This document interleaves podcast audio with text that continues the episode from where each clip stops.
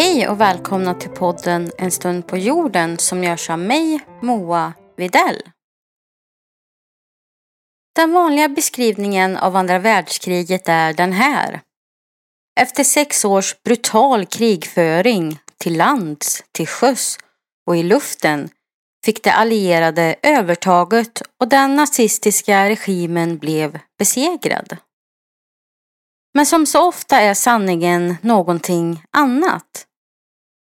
Med ett annat perspektiv får Norman Davis oss att betrakta dessa sex år på nytt och förkasta den gängse skildringen av de goda allierade mot de onda nazisterna. Ja, så här börjar en recension av historikern Norman Davis bok Europa i krig som utkom år 2006.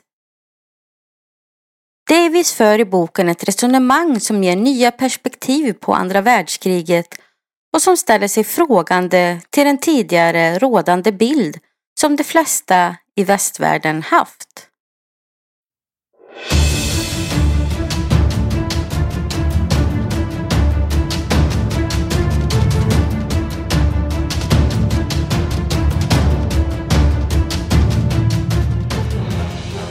Davis skriver att en enda tolkning eller sanning om andra världskriget aldrig kommer att accepteras av alla.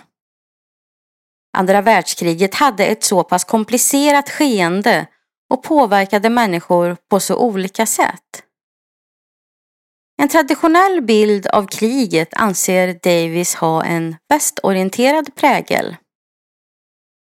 Den lägger vikten på krigförande i Centraleuropa samt vikten av de militära operationerna som utfördes av brittiska och amerikanska styrkor. Istället för att se Röda arméns framgång i Stalingrad som en vändpunkt i kriget så har landstigningen i Normandie fått ta rollen som en av de mest avgörande händelserna som kom att förändra kriget och så småningom leda till Tysklands fall. Men Centraleuropa var inte den plats där de största eller viktigaste striderna var under andra världskriget.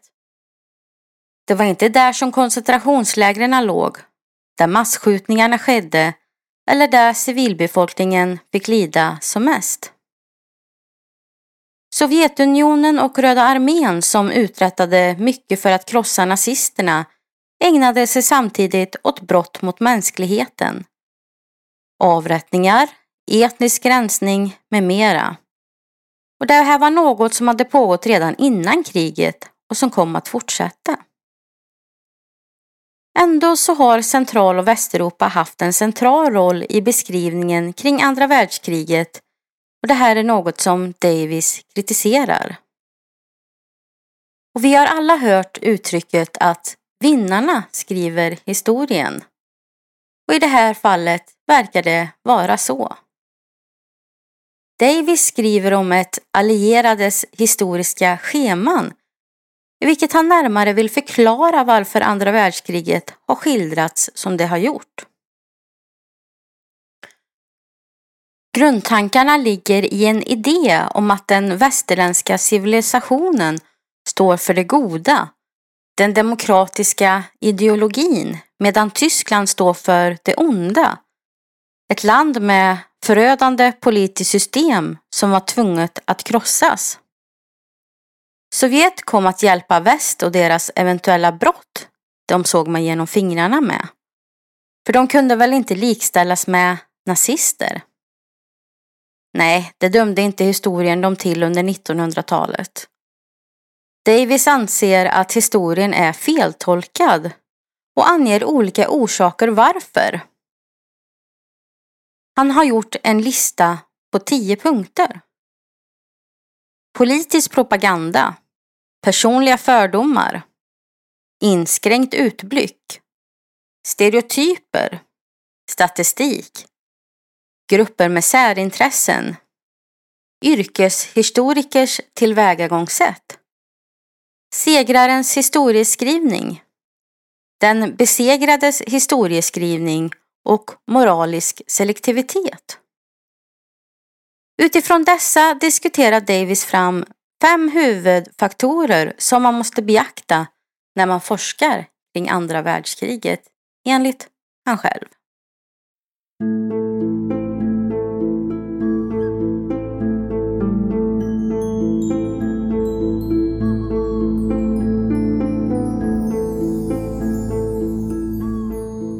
Den första punkten kallar han för den geografiska.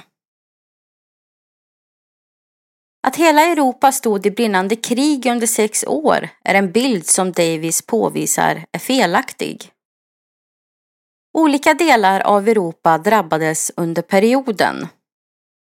De värst drabbade länderna var Vitryssland, eller som vi säger idag Belarus, och västra delar av Ukraina. Där kom också civilbefolkningen att drabbas mest då både tyska och sovjetiska soldater ockuperade området. Och vissa delar av det här området tillhörde också Polen under 1939. Det var här tyskarna skulle finna sitt livsrum. Men det var också den geografiska plats där Röda arméns återtåg mot Centraleuropa tog fart med fruktansvärda strider, våldtäkter, mord med mera som följd. Davis anser att många historiker har förbisett vad dessa två länder fick utstå och att deras mänskliga offer var enormt både civilt och militärt. Och jämför man det här med striderna i Centraleuropa så får man en tydlig bild av hur snedfördelad bilden av den geografiska skådeplatsen för andra världskriget verkligen såg ut.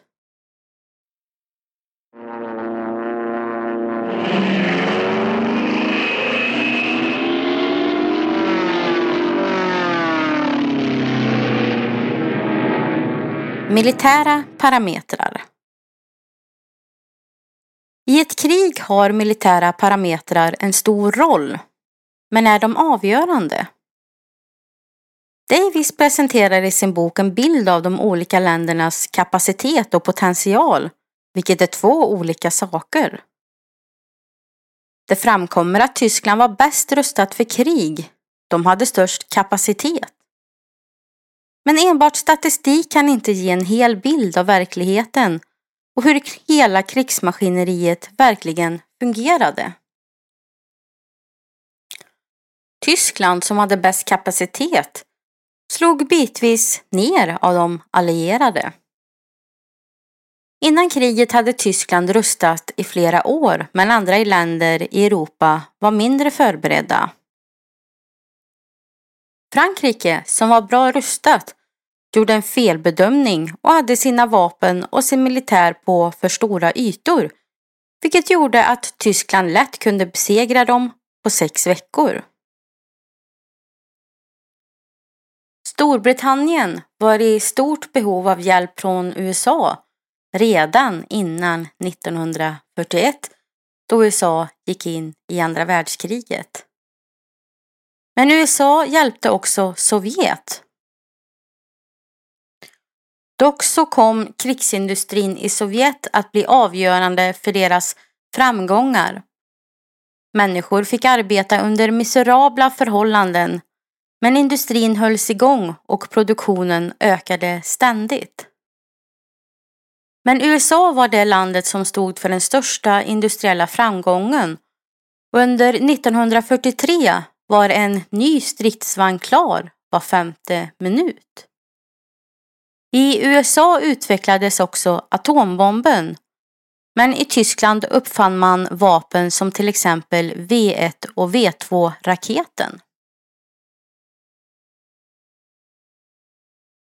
Genom Davis tabeller med aktivt insatta styrkor i Europa och antalet dödade i Europa 1939 till 45 blir det tydligt att östfronten var den största fronten med de största insatserna och där flest människoliv släcktes. När det kom till krigsföringen till sjöss var västmakternas flotta den viktigaste. Sovjet hade ingen betydande flotta eller naturliga hamnar åt Atlanten eller Östersjön.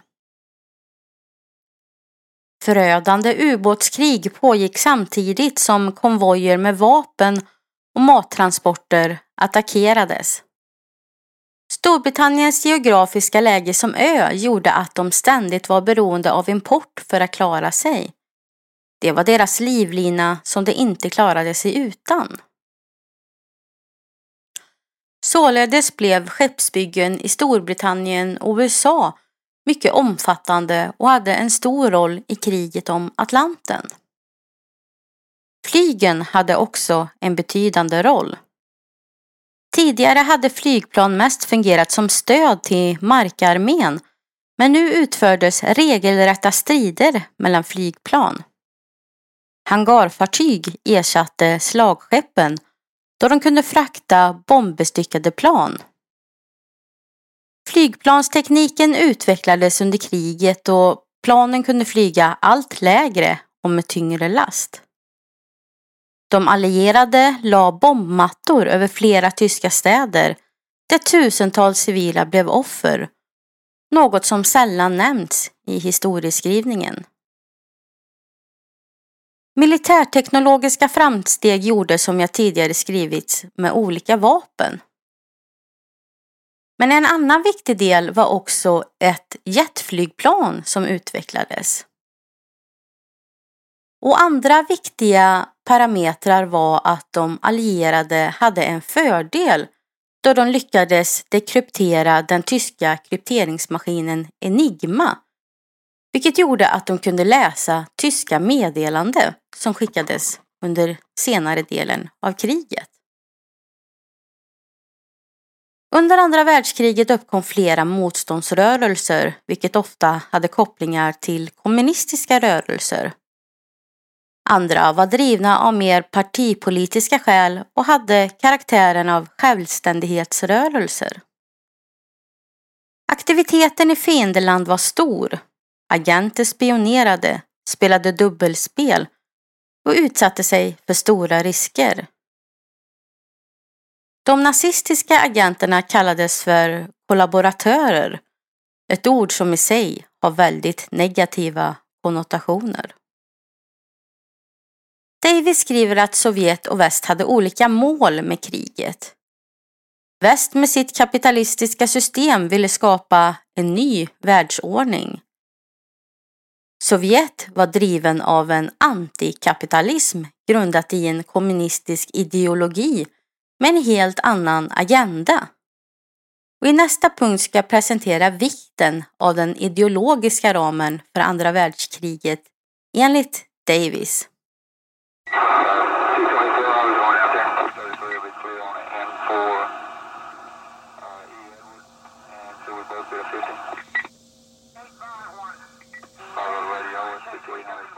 Den ideologiska ramen.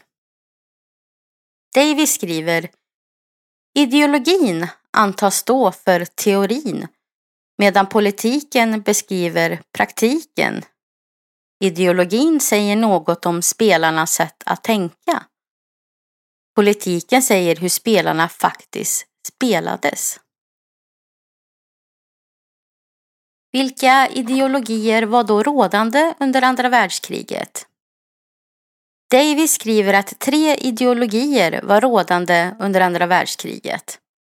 Fascismen, kommunismen och en liberal västerländsk demokrati. Gemensamt för fascismen och kommunismen var att de båda stod långt ifrån ett demokratiskt samhälle med totalitära ledare och kan beskrivas som extrema på varsin kant. Både i Tyskland och i Sovjet pågick förföljelser, mord, koncentrationsläger och terror. Det var starkt diktatoriska stater långt ifrån den demokrati som väst stod för. Trots vissa gemensamma faktorer var kommunismen och fascismen huvudfiender och hade historiskt lett till flera konflikter mellan Tyskland och Sovjet. Lenins idé om att sprida socialismen till Tyskland hade hindrats vilket ledde till att man under Stalins tid istället skulle eftersträva kommunism inom landet istället för att expandera.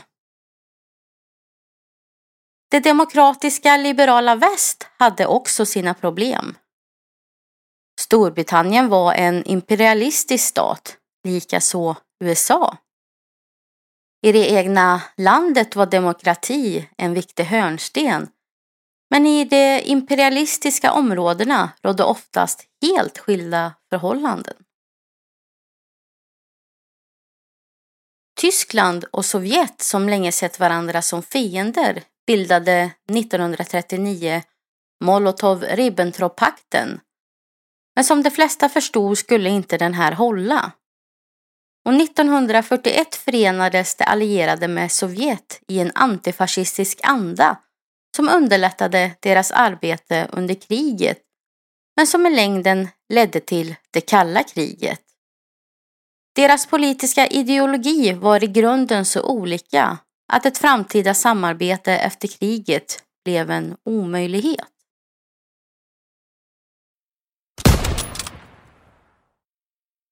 Den politiska kontexten Davis inleder med att förklara att andra världskriget i högsta grad var en maktkamp där Hitler och Stalin ville se en ny ordning i Europa medan västmakterna kämpade för att bevara den rådande ordningen. Nationernas förbund som skulle agera som en sorts överspännande politisk organisation hade redan innan kriget tappat sin legitimitet. Davis skriver om andra världskrigets fyra huvudledare, vilka agendor de hade och deras personligheter och hur de påverkade kriget. Förutsättningarna under andra världskriget ändrades också drastiskt ett antal gånger. Bland annat när Hitler angrep Sovjet i operation Barbarossa och attacken på Pearl Harbor. Effekten av dessa händelser var att Sovjet bytte sida i kriget samt att USA nu tog en aktiv roll i stridandet. Det här påvisar hur föränderligt och dynamiskt ett krig är samt hur den politiska kontexten snabbt kan förändras. Samarbetet mellan de allierade innebar kompromisser, som alla samarbeten gör. Väst vände andra kinden till och valde att varken se eller uppmärksamma den utrensning av människor som förekom i Sovjet. Men alliansen knakade ständigt i fogarna på grund av de olika ländernas egna agendor men höll ändå till krigets slut. Men sedan tog det stopp. Efter att Europa delas upp likt ett pussel inleddes så småningom kalla kriget som pågick i nästan 40 år.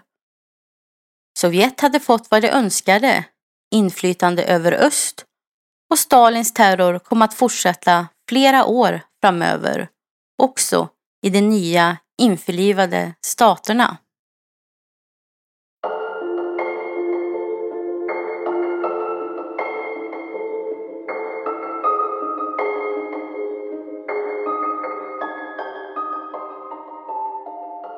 Det moraliska landskapet. Den sista faktorn som Davis tar upp handlar om moral. Ofta förekommer det en dubbelmoral enligt Davis där båda parterna i en konflikt har begått hemskheter men det är bara förloraren som får skulden och beskylls för till exempel massmord. Det blir en klassisk saga där det goda ställs mot det onda. Davis menar att sådana idéer är förkastliga. Krig och moral är så mycket mer komplicerat. Bara för att man slåss på rätt sida innebär det inte att ens handlingar är moraliskt berättigade. Efter andra världskriget inrättades en domstol av de allierade i Nürnberg som skulle behandla tre åtalspunkter. Krig som startats mot internationell fred, alltså aggressionskrig. Krigsförbrytelser samt brott mot mänskligheten. De åtalade var tyskarna. De fick ikläda sig rollen som syndabockar, en roll som delvis var rätt men som också utelämnade Sovjets brott under kriget. Det blev allmänt vedertaget bland segermakterna att de agerat rätt och moraliskt under kriget. Att de var de goda. Och det här är på många sätt en bild som är rådande än idag. Ett stort misstag med ett sådant tänkande är att man bortser från allt som hände i Sovjet. Där fler människor mördades och den totalitära regimen var förödande för civilbefolkningen. Västländerna agerade inte heller alltid moraliskt under andra världskriget. Strategiskt la de ut bombmattor över städer där tusentals civila dödades. Davis skriver att krig är en smutsig affär och att goda avsikter inte är någon garanti för gott uppförande. Och rollen om gott och ont är inte heller statiskt. Och Davis diskussion om hur den applicerats under andra världskriget visar på den problematik som kan uppstå när man har en fast uppfattning om det goda och det onda.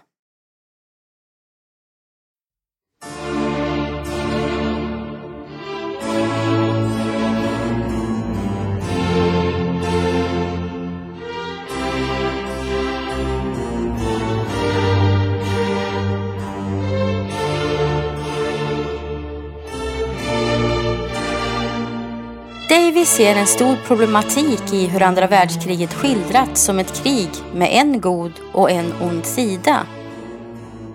Alla parter i kriget var delaktiga i onda handlingar och Davis är noga med att understryka att Sovjets insatser i kriget mot nazismen inte berättigar vad som hände i det egna landet.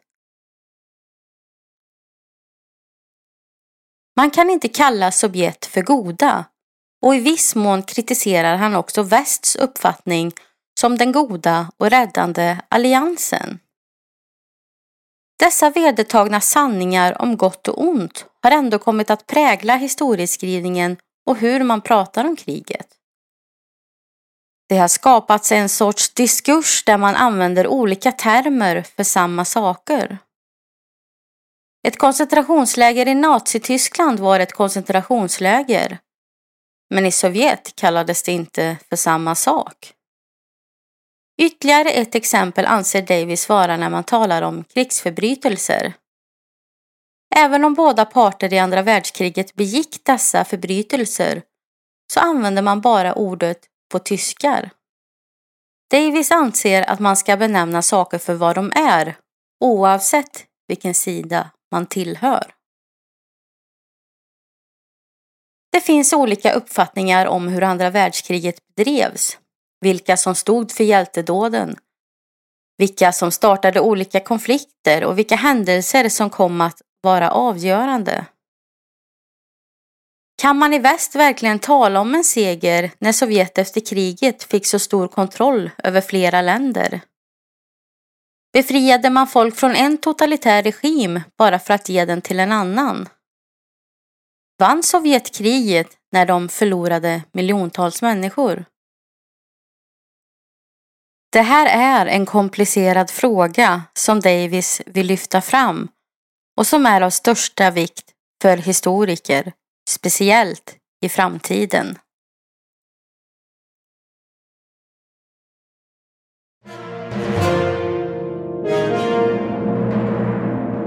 Vet du faktiskt en sak? Kleopatra var den första medlemmen i hennes dynasti som talade forntida egyptiska. Hon kunde också prata åtta andra språk. Bland annat forntida grekiska, forntida iranska, syriska, etiopiska, hebreiska, arabiska med flera. Tack för att ni har lyssnat på veckans avsnitt. Jag vill önska er alla en fin helg och hoppas att vi hörs snart igen.